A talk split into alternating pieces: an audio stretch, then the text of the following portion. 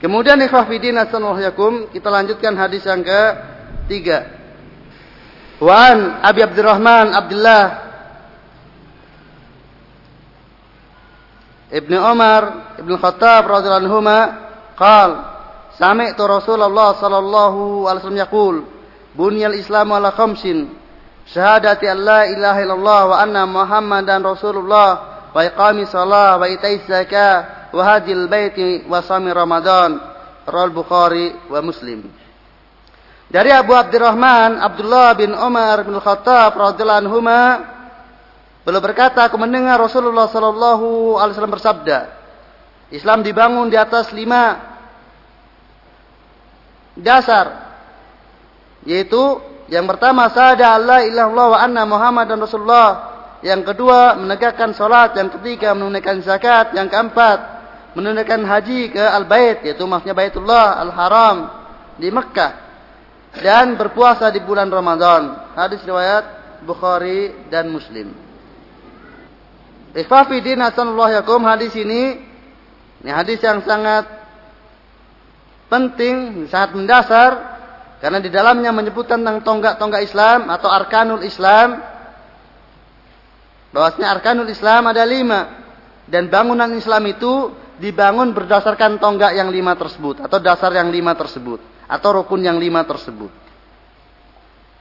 Dan sudah saya jelaskan dalam pembahasan hadis Umar bin Khattab bahwa istilah rukun di sini maka tetap dikembalikan kepada dalil-dalil syar'i yang ada.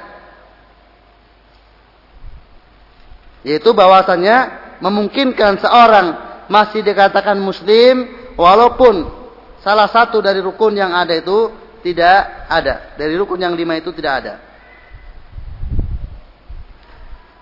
Ikhwafidin asalullah yakum.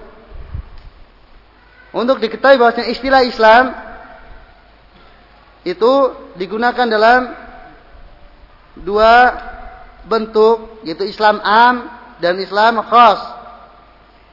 Islam am yang sering didefinisikan dengan istislamu lillah bit tauhid walingkat lau bitta'ah wal bara'atu minasyirki wa ahli. Ini Islam seluruh zaman. Sejak Nabi Allah Adam alaihissalam, maka Islam adalah seperti itu.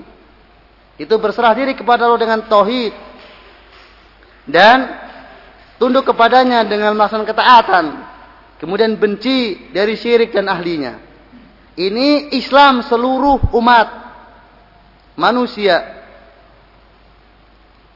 yang bertauhid dari sejak Nabi Adam alaihissalam sampai sekarang dan sampai yang kiamat. Islam dalam makna yang umum. Dan di sana ada Islam yang lebih umum lagi. Yaitu ketundukan Islam kauni. Dalam artian apa? Dia tunduk terhadap aturan-aturan Allah Taala yang kaunan. Aslama lillahi ma fis samawati wa ma fil ard. Dan tunduk kepada Allah, berserah diri kepada Allah seluruh apa yang ada di langit dan bumi. Ini Islam am seluruh makhluk. Artinya semuanya mentauhidkan Allah Taala dan tidak ada yang mempersekutukan kepada Allah Taala dalam ketundukannya. Yang di mungkin bisa dijelaskan dalam istilah saya selalu saya baik suka ataupun terpaksa. Nah, yang suka ini ini Islam yang tunduk dengan suka. Ini makhluk yang beriman, yang bertohid. Adapun yang terpaksa ini yang Islam kaunan. Yang tunduk dengan takdir Allah Subhanahu wa taala. Maka tidak ada di sana rob dan ilah selain Allah Taala dan dia hakikatnya tunduk semuanya kepada ilah yang satu yaitu Allah Taala dan tidak mempersekutukan sedikit pun dalam seluruh kejadian atau aktivitas yang dia lakukan karena seluruh aktivitasnya adalah sesuai dengan kehendak Allah kaunan. Adapun Islam yang khas yaitu Islam yang dibawa oleh Nabi kita Muhammad sallallahu alaihi wasallam yaitu Islam yang makna yang am tadi dengan syariat Nabi Muhammad sallallahu alaihi wasallam. Oleh karena itu, ahlul kitab sebelum datangnya Nabi kita Muhammad SAW, maka mereka yang bertauhid ketika itu dan tunduk kepada syariat Musa alaihissalam atau syariat Isa alaihissalam adalah muslimin. Sebelum diutusnya Nabi kita Muhammad SAW. Orang-orang Yahudi adalah muslimin. Orang-orang Nasrani adalah muslimin. Tatkala mereka bertauhid dan tunduk kepada syariat yang sampai kepada mereka. Dari syariat Taurat dan Injil. Namun setelah diutusnya Nabi kita Muhammad SAW, maka ketauhidan mereka batal, tidak sah sehingga mereka tunduk kepada syariat Muhammad Wasallam. Jadi Islam setelah diutusnya Nabi kita Muhammad wasallam adalah tauhid yang syariatnya dengan syariat Muhammad sallallahu alaihi wasallam. Maka barang siapa yang bertauhid kepada Allah Taala tapi tidak mau tunduk kepada syariat Muhammad sallallahu alaihi wasallam, maka dia bukan seorang muslim atau dia orang kafir. Nah, setelah diutusnya Nabi kita Muhammad sallallahu alaihi wasallam, maka kalau Islam disebutkan secara khusus, secara mutlak, maka yang dimaksudkanlah Islam yang khusus ini. Inna dina indallahil Islam. Ini disampaikan dalam syariat Nabi kita Muhammad SAW. Maka hanya dipahami bahwasanya Islam adalah tauhid dengan syariat Nabi kita Muhammad SAW. Dan tidak cukup hanya bertauhid saja, tapi tidak mau tunduk kepada syariat Muhammad SAW. Sedikit berbicara tentang syahadaten. Syahadaten tidak sah sehingga terkumpul padanya tiga hal. Yaitu keyakinan hati, ucapan lesan dan kemudian menyampaikan kepada orang lain. Jadi tidak cukup syahadat itu hanya diyakini dan diucapkan sendiri. Harus disampaikan, diiklankan, diperlihatkan, ditunjukkan kepada orang lain. Dia persaksikan persahadatannya itu kepada orang lain. Itu sahadat. Harus terkumpul padanya tiga hal. Namun dalam kondisi tertentu, kondisi terpaksa, maka terkadang pemberitaan kepada orang lain ini bisa gugur. Apa kewajibannya? Maka cukup dia meyakini dalam hatinya dan mengucapkan dalam dirinya sendiri diketahui oleh dirinya sendiri ucapannya tersebut antara dirinya dengan Allah Taala dan tidak ada seorang pun yang mengetahuinya. Dalam kondisi tertentu bisa sah sahadat sebagaimana yang terjadi pada Raja Najasi. Yang tahu hanya dirinya dengan Allah Taala. Adapun Rasulullah tahu karena berita dari Allah taala. Sementara rakyatnya tidak tahu bahwasanya Najasi adalah muslim.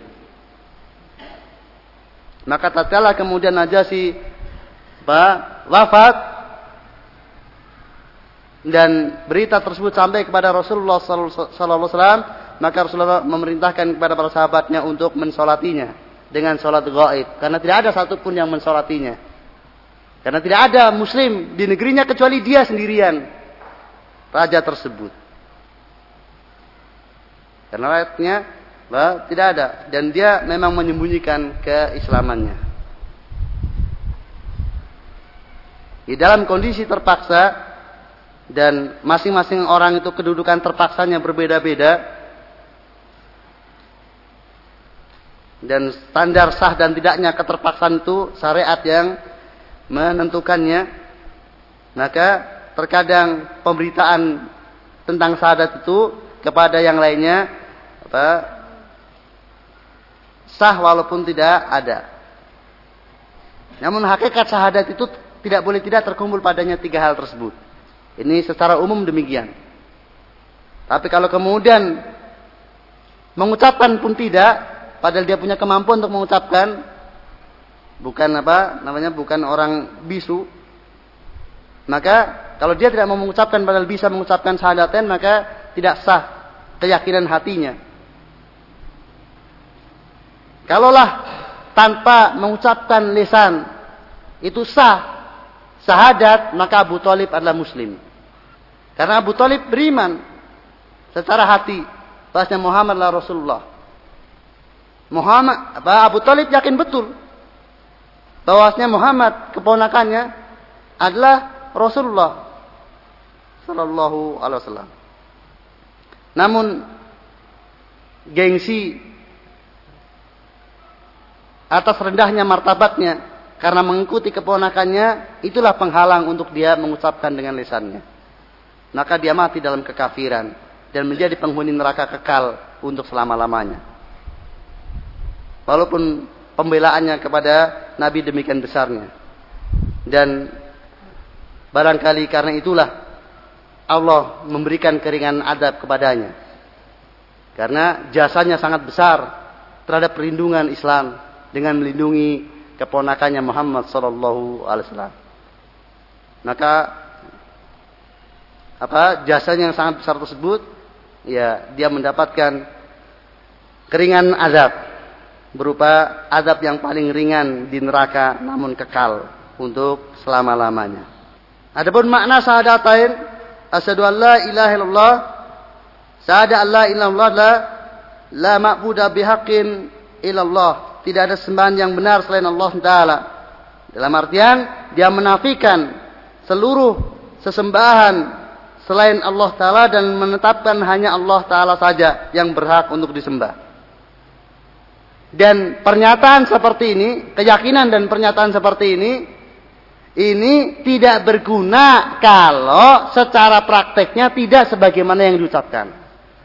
Jadi orang mengucapkan asyhadu alla ilaha illallah dan dia meyakini bahwasanya tidak sembahan yang hak selain Allah saja. Tetapi kemudian dalam prakteknya ternyata dia menyembah selain Allah, walaupun dia mengingkari perbuatan tersebut, tetap itu tidak dikatakan dia bersahada la illallah. Karena sahada la ilaha illallah itu keyakinan hati, ucapan lesan dan perbuatan. Maka kalau perbuatannya membatalkan ucapan lesannya dan keyakinan hatinya, maka batal sahadatnya. Sehingga kalau kemudian ada orang bersahada Allah ilallah, kemudian dia datang ke kubur dan meminta kepada yang dikubur untuk kepentingan dunianya atau kepentingan akhiratnya, maka dia telah menyembahnya. Berarti dia tidak menyatakan Allah satu-satunya sembahan. Maka walaupun dia mengingkari itu tidak benar tetap. Sebab barangkali orang itu merasa apa kok Orang-orang kok apa mereka terbukti datang ke kuburan meminta kemudian dapat. Dan saya tahu itu syirik. Tapi saya ingin dapatkan sebagaimana yang mereka dapatkan. Maka dia nekat melakukannya. Walaupun dia meyakini itulah penyembahan kepadanya. Tapi dia percaya bahwasanya dia memungkinkan mendapatkan sebagaimana yang mereka dapatkan. Kemudian dia lakukan. Maka batal sahadahnya. Kalau kemudian orang yang mengucapkan syahadat la ilaha illallah dengan tidak ada keyakinan atau mengingkari bahwasanya selain Allah tidak pantas untuk disembah, tapi dia mengucapkannya, maka ini lebih jelek dari orang-orang munafikin. Karena ya orang-orang munafikin mereka tahu secara maknanya, walaupun kemudian mereka mendustakannya dan mereka mengucapkannya. Adapun ini tidak mau tahu tentang maknanya atau tidak kenal maknanya tentang makna la ilaha illallah. Maka sahadah tidak boleh tidak harus disyaratkan ilmu dengannya, itu keyakinan kalbu. Dan tidak akan orang meyakini kecuali mengilmuinya. Maka tanpa ilmu tidak sah sahadaten. Maka orang yang tidak mengilmui sahadaten dan dia mengucapkannya, maka lebih jelek dari orang-orang munafik. Apalagi kemudian dia melanggar ucapannya tersebut. Prakteknya tidak sebagaimana yang diucapkan. Ini lebih jelek lagi. Orang-orang munafikin dia mengucapkan dan konsekuen dalam prakteknya walaupun hatinya tidak demikian. Orang munafik tidak ada yang berbuat syirik. Orang munafikin tidak ada yang berbuat syirik dalam artian prakteknya, dohirnya. Dan dia ucapkan sahadaten walaupun hatinya mendustakannya dan tidak mengimaninya tapi tidak melaksanakan praktek kesyirikan. Karena mereka paham bahwasanya ucapan tersebut mendatangkan konsekuensi. Kalau mereka melakukan praktek kesirikan, maka jelas akan dihukumi batal Islamnya. Maka bukan munafik lagi, tapi akan dihukumi sebagai orang yang murtad. Kemudian syahadat anak Muhammad Rasulullah itu meyakini bahwasanya Muhammad sallallahu alaihi wasallam betul-betul utusan Allah Subhanahu wa taala.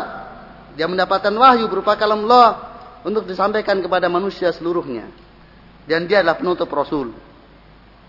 Wa ma Muhammadun aba ahadi mirjalik walakin Rasulullah walakin Rasulullah wa khataman nabiyyin. Bukanlah Muhammad itu salah seorang bapak di antara orang laki-laki di antara kalian. Namun dia adalah Rasul Allah dan penutup para nabi. Dan konsekuensi dari pernyataan anna Muhammad dan Rasulullah sahada anna Muhammad dan Rasulullah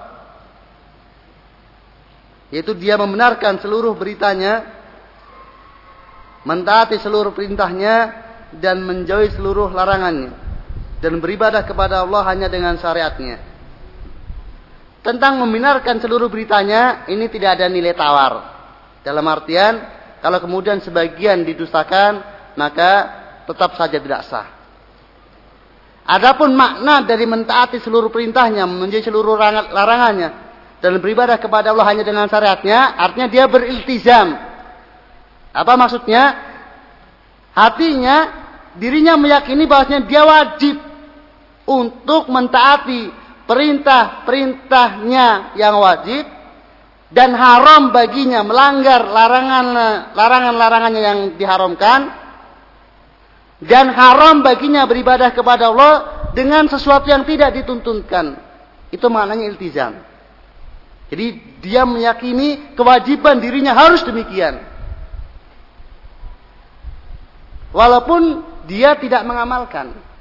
Walaupun ternyata kalau datang perintah dia langgar perintah tersebut. Kalau datang larangan dia langgar larangan tersebut. Tapi dia tetap meyakini bahasnya hakikatnya dia wajib untuk melaksanakannya. Dan dia berdosa tatkala kemudian tidak melaksanakan kewajiban tersebut. Dan dia berdosa tatkala melaksanakan yang haram tersebut. Dan dia berdosa tatkala melakukan bid'ah tersebut. Tatkala dia beribadah kepada Allah dengan tidak yang disyariatkan itu namanya Pak yang dimaksud dengan dia iltizam. Adapun hukum batalnya sahada Muhammad Rasulullah dengan tidak mengamalkan atau dengan melanggar larangan itu ter, nanti dilihat tentang amalan tersebut. Apakah yang merupakan syarat sahnya iman atau bukan? Demikian juga larangan tersebut. Apakah keharaman tersebut termasuk yang merupakan syarat sahnya iman untuk ditinggalkan atau bukan ya tidak secara otomatis kalau kemudian orang melanggar perintah Rasulullah atau melanggar larangan Rasulullah sallallahu alaihi wasallam berarti dia batal sahadatnya, tidak secara otomatis. Dilihat bentuk pelanggarannya. Tetapi orang batal sahadat Muhammad Rasulullah kalau dirinya tidak merasa wajib untuk tunduk kepada perintah Rasulullah. Itu batal walaupun dia mengamalkannya. Seluruh syariat Rasulullah, Rasulullah perintahnya dia kerjakan, larangannya dia tinggalkan, semuanya. Tetapi tidak ada keyakinan dalam dirinya bahwasanya hakikatnya dia wajib. Ini ya, Pak, artinya kelonggaran dari saya saya laksanakan. Jadi karena baiknya saya saya laksanakan. Walaupun hakikatnya tidak wajib. Namun karena mendatangkan kebaikan saya lakukan. Saya yakin semua perintah Rasul itu baik. Dan larangannya itu memang membawa madorot kalau dikerjakan. Maka karena itu saya kerjakan. Ya walaupun nggak ada kewajiban. Maka ulama sepakat. Barang siapa yang menyatakan bolehnya dari umat ini untuk keluar dari syariat Muhammad Sallallahu Alaihi Wasallam maka dia kafir. Seperti keyakinan orang-orang Sufi ya, yang menyatakan bahwasanya wali-wali mereka itu bebas, tidak wajib sebagaimana awam. Kalau karangan awam itu wajib, tapi kalau karangan wali itu tidak. Sebagaimana juga makanya Abu Bakar As-Siddiq memerangi mani zakat karena mereka merasa tidak wajib untuk zakat. sepeninggal Nabi Shallallahu Alaihi Wasallam bagi eh, masyarakat tersebut. Itu wajib bagi masyarakat sana, tapi tidak bagi masyarakat tersebut. Nah, karena masyarakat tidak iltizam, dia imtina untuk menunaikan zakat karena merasa tidak wajib, maka dikafirkan dan diperangi sebagai murtadin. Dan sahabat semuanya sepakat dengan pendapat Abu Bakar Siddiq radhiyallahu walaupun di awalnya sempat apa ada ketidaksetujuan. Tapi tatkala kemudian dijelaskan oleh Abu Bakar maka kemudian mereka setuju dan sepakat.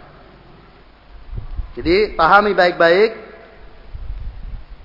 tentang apa? Apa yang dimaksudkan wajib untuk mentaati perintahnya dan menjauhi larangannya dan beribadah hanya kepada Allah dengan syariatnya yang menjadi syarat sahnya syahadat anna Muhammad dan Rasulullah.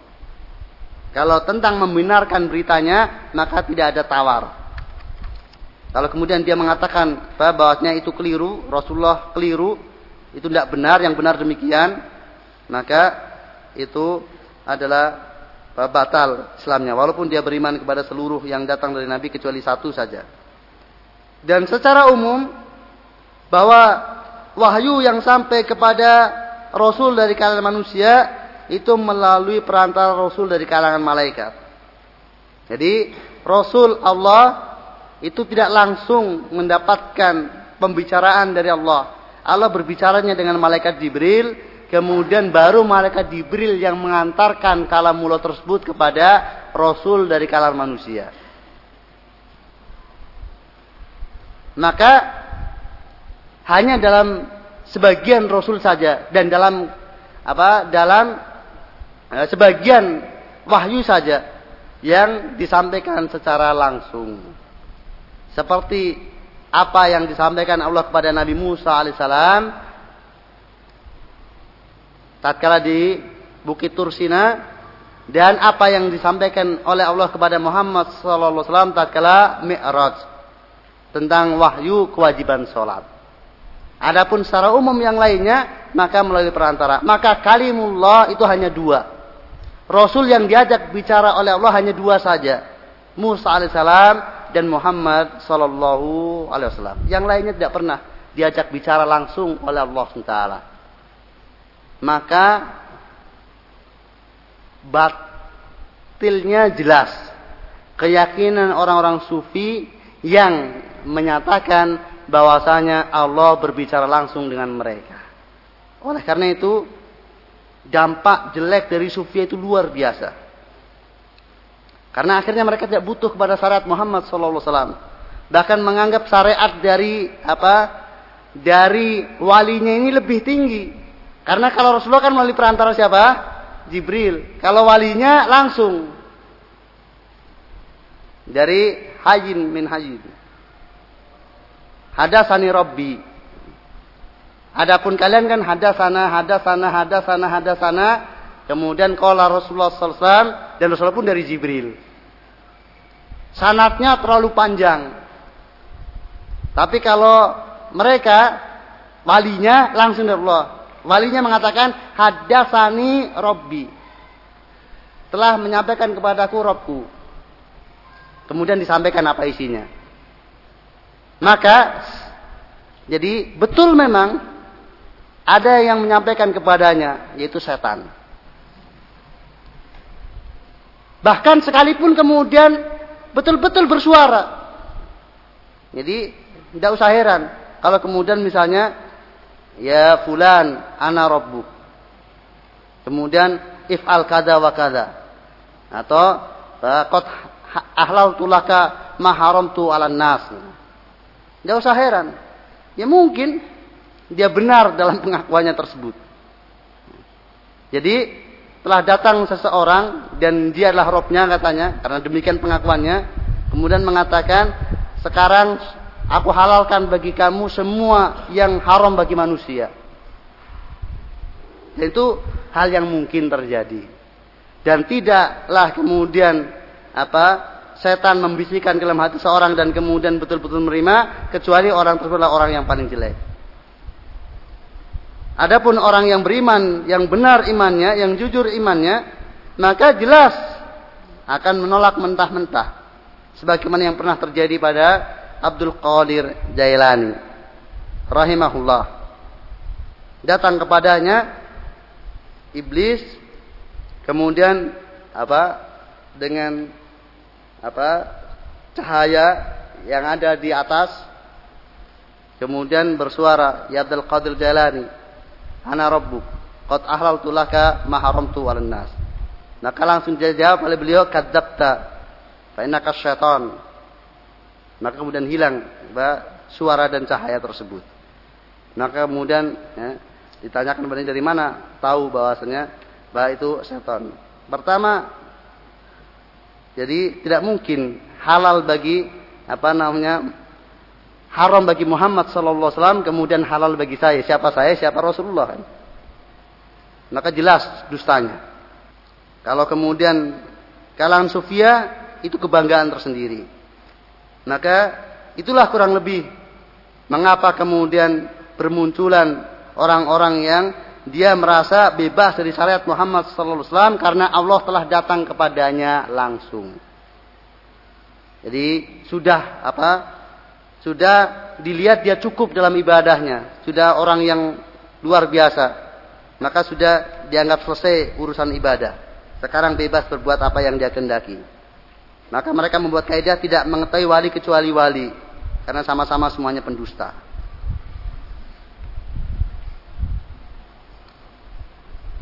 Jadi kalau kemudian di mana ya kamu tidak tahu kedudukan dia itu wali dan tidak ada yang mengetahui kalau dia wali itu kecuali wali. Tidak ada yang paham ya karena sama pendusta ya pahamnya sama pendusta kan.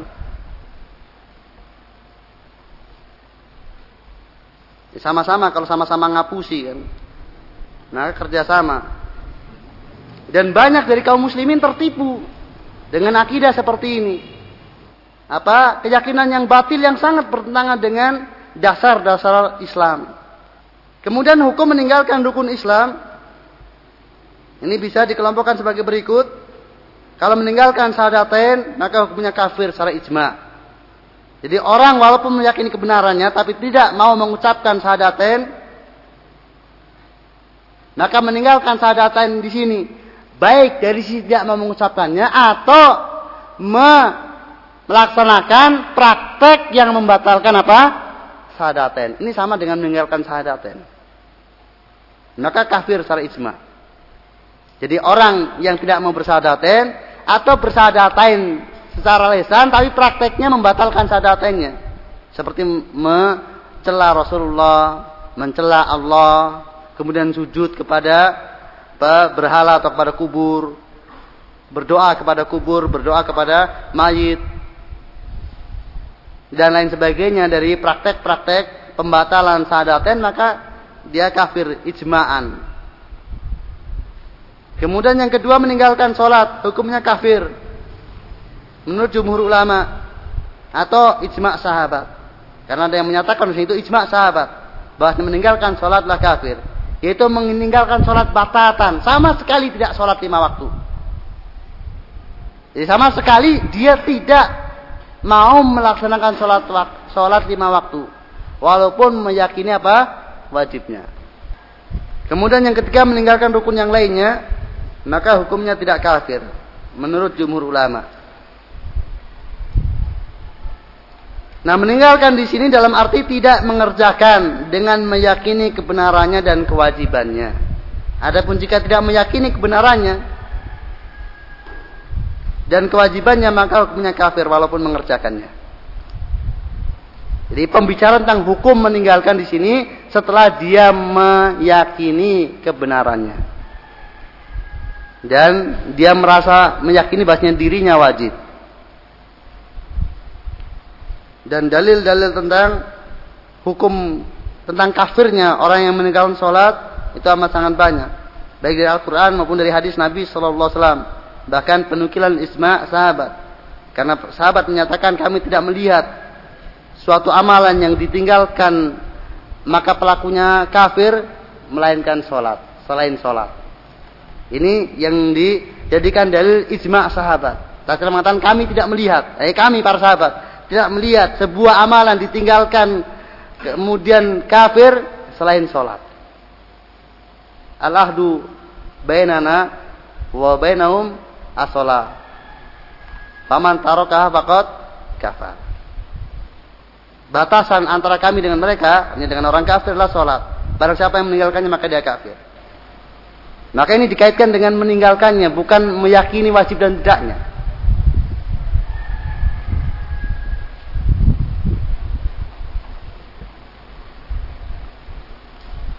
Al-ahdu baina syirki awil kufri tarkus sholat.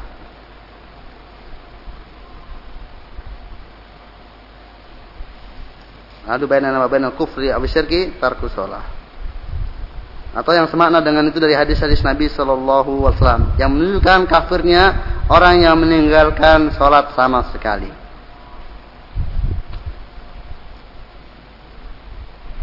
Kemudian kalau dilihat dalam hadis Nabi Shallallahu Alaihi Wasallam tersebut tentang rukun Islam, maka bisa dikelompokkan menjadi empat kelompok. Itu amal etikodiyah, itu disahadaten, Mengapa demikian? Karena tadi ya sahadaten tidak boleh tidak harus di ya, harus disertai dengan i'tiqad, dengan keyakinan. Kemudian amal badaniyah yaitu salat dan puasa. Amal maliyah yaitu zakat, kemudian amal badaniyah dan maliyah yaitu haji. Nah, di sini antara haji dan saum Ramadan, saum Ramadan letaknya setelah haji. Adapun hadis Umar, maka apa? Saum Ramadan dulu baru kemudian haji. Maka urutan haji al-bait baru kemudian saum Ramadan ini yang lebih kuat wallahu alam. Bisa ditinjau dari sisi penyebutannya Rasulullah menyebutkan tentang i'tiqad yaitu pada sahadaten kemudian tentang badania yaitu sholat. Kemudian tentang malia yaitu zakat. Kemudian yang tergabung di antara keduanya yaitu apa? Apa? Mal dan badan yaitu haji. Adapun saum Ramadan ini sebagaimana sholat. Maka disebutkan apa, paling terakhir. Karena dia sudah tersebut pada yang sebelumnya itu salat, amal badaniyah. Allah alam. Demikian di antara taujih ulama dalam hal ini saya selalu saya tentang menanggapi uh, perbedaan urutan penyebutan tersebut. Nah demikian ikhafidin asallallahu yakum penjelasan singkat tentang hadis yang ke dua dan ketiga dan ingat bahwasanya Penjelasan di sini sifatnya sangat global dan mungkin jarang sekali disebutkan tentang apa rincian dari dalil-dalil tersebut. Karena adalah penjelasan hadis dan hakikatnya hadis yang sedang dibicarakan itulah dalilnya. Maka jelas lebih baik kalau kemudian antum merujuk kembali kepada apa kitab-kitab yang ditulis oleh para ulama yang bisa membaca kitab. Langsung kepada kitab-kitab aslinya yang tidak baca terjemahnya. Untuk lebih meyakinkan dan memantapkan keimanan. Karena bagaimanapun jelas beda nilai ketenangan dalam jiwa tatkala melihat langsung dalil-dalilnya dengan bah, mendengarkan tanpa mengetahui dan melihat langsung dalil-dalil yang ada. Maka ikhwafidin sallallahu yakum. Karena betapa bahasa Arab itu sangat penting bagi kita semuanya, maka rugi sekali kalau kemudian kita tidak kenal bahasa Arab, tidak paham bahasa Arab, tidak bisa bahasa Arab, tidak bisa baca kitab. Padahal sekarang begitu mudahnya orang untuk bisa berbahasa Arab dan bisa baca kitab. Apalagi antum mahasiswa. Sangat mudah sekali untuk bisa baca kita. Terbukti tatkala saya sudah melihat kenyataan yang ada. Mahasiswa dengan kesibukan yang ada. Dengan rutinitas kuliah. Kemudian nyambi. ikut kegiatan program bahasa Arab yang diajarkan secara intensif terlebih dahulu kemudian setelah itu reguler dalam waktu tidak nyampe dua tahun dia bisa baca kitab dan bisa menerjemahkan. Dan ini adalah realita yang ada. Maka rugi sekali kita tinggal di Jogja bisa nyambi kemudian tidak kita ambil. Padahal apa pemahaman tentang din ini sangat erat kaitannya dengan paham bahasa Arab. Dan apa akan lebih menjaga kita dari menjadi bahan tipuan orang. Sekarang banyak penipu. Maka kalau kemudian kita tidak bisa mengkaji dari kitab aslinya, mungkin kita ditipu orang. Sangat mungkin.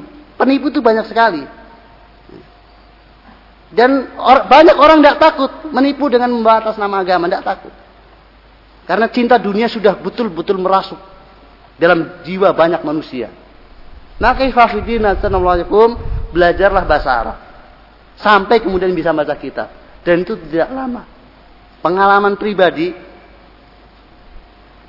saya dulu cuma satu setengah bulan saja.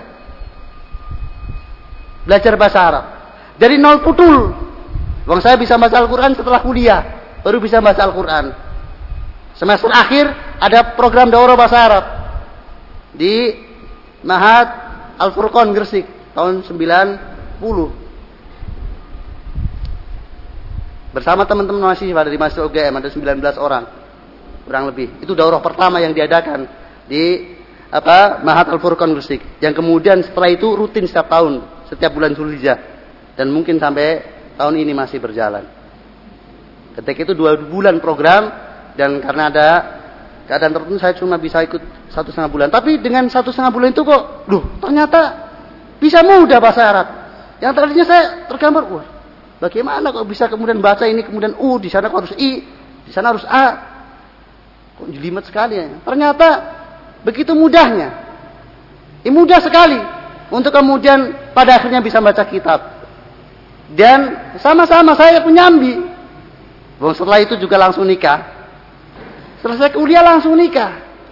Saya harus kemudian apa? Ya jualan. Boleh dikatakan fakultas-fakultas UGM ini saya masuki. Saya adalah penjajah kue. Saya bertahun-tahun, 10 tahun saya menjadi penjajah kue. Keluar masuk Pogung ini. Termasuk warung dekat apa? Dekat Pogung Dalangan itu. Itu dua hari sekali saya masuk ke situ. Kam, apa, Kopma UGM, saya dua hari sekali masuk ke situ. Tanya menjaga sana. Yang mereka kenal saya adalah penjajah kue. Jadi bisa disambi gitu. Bisa disambi. Jangan ada alasan saya sibuk. Tidak ada. Bisa, bisa disambi. Dan saya lihat kenyataan yang ada teman-teman ini, yang ada di Mahat Ilmi ini, mereka bisa. Bahkan melampaui saya untuk menerjemahkan. Bahasanya bagus, saya sudah terlalu lama dengan tidak berguru dengan bahasa Indonesia, penerjemahannya amburadul. Jadi ini tasji dan dorongan bagi antum semuanya yang belum bisa baca kitab, belajar bahasa Arab. Saya yakin antum bisa, karena antum mahasiswa. Memiliki apa? kecerdasan lebih daripada umumnya, apalagi masuk UGM. Apalagi sekarang ini, kayaknya sulit sekali untuk masuk UGM. Kalau zaman saya orang-orang bodoh mungkin bisa. Maka saya bisa masuk kan. Tapi kalau sekarang nampaknya tidak bisa masuk kecuali orang-orang pintar maka lebih mudah lagi untuk bisa bahasa Arab. Nah, tinggal dibutuhkan sedikit apa, semangat saja. Tidak dibutuhkan banyak-banyak semangat. Supaya tidak mudah ditipu orang. Betul sekarang penipu itu banyak sekali. Nah demikian ifafidin nasallallahu yakum menjadi perhatian bagi kita semuanya bahwasanya kehidupan kita itu di dunia ini menentukan Berhasil di dunia maka berhasil di akhirat, gagal di dunia maka gagal untuk selama-lamanya. Maka jangan main-main di dunia. Nah demikian ifafidin assalamualaikum. Mudah-mudahan ada manfaatnya bagi kita semuanya. Dan mudah-mudahan menjadikan dorongan semangat bagi kita untuk lebih jauh mendalami ilmu din. Karena itulah hakikat kebahagiaan diri kita di dunia wal akhirah. Allahumma alimna ma yang fauna wa yanfa'in nasa bi ilmina Allahumma arzuqna ilman nafi'a. Subhanakallahumma bihamdika asyhadu an la ilaha illa anta astaghfiruka wa atubu ilaik. Assalamualaikum warahmatullahi wabarakatuh.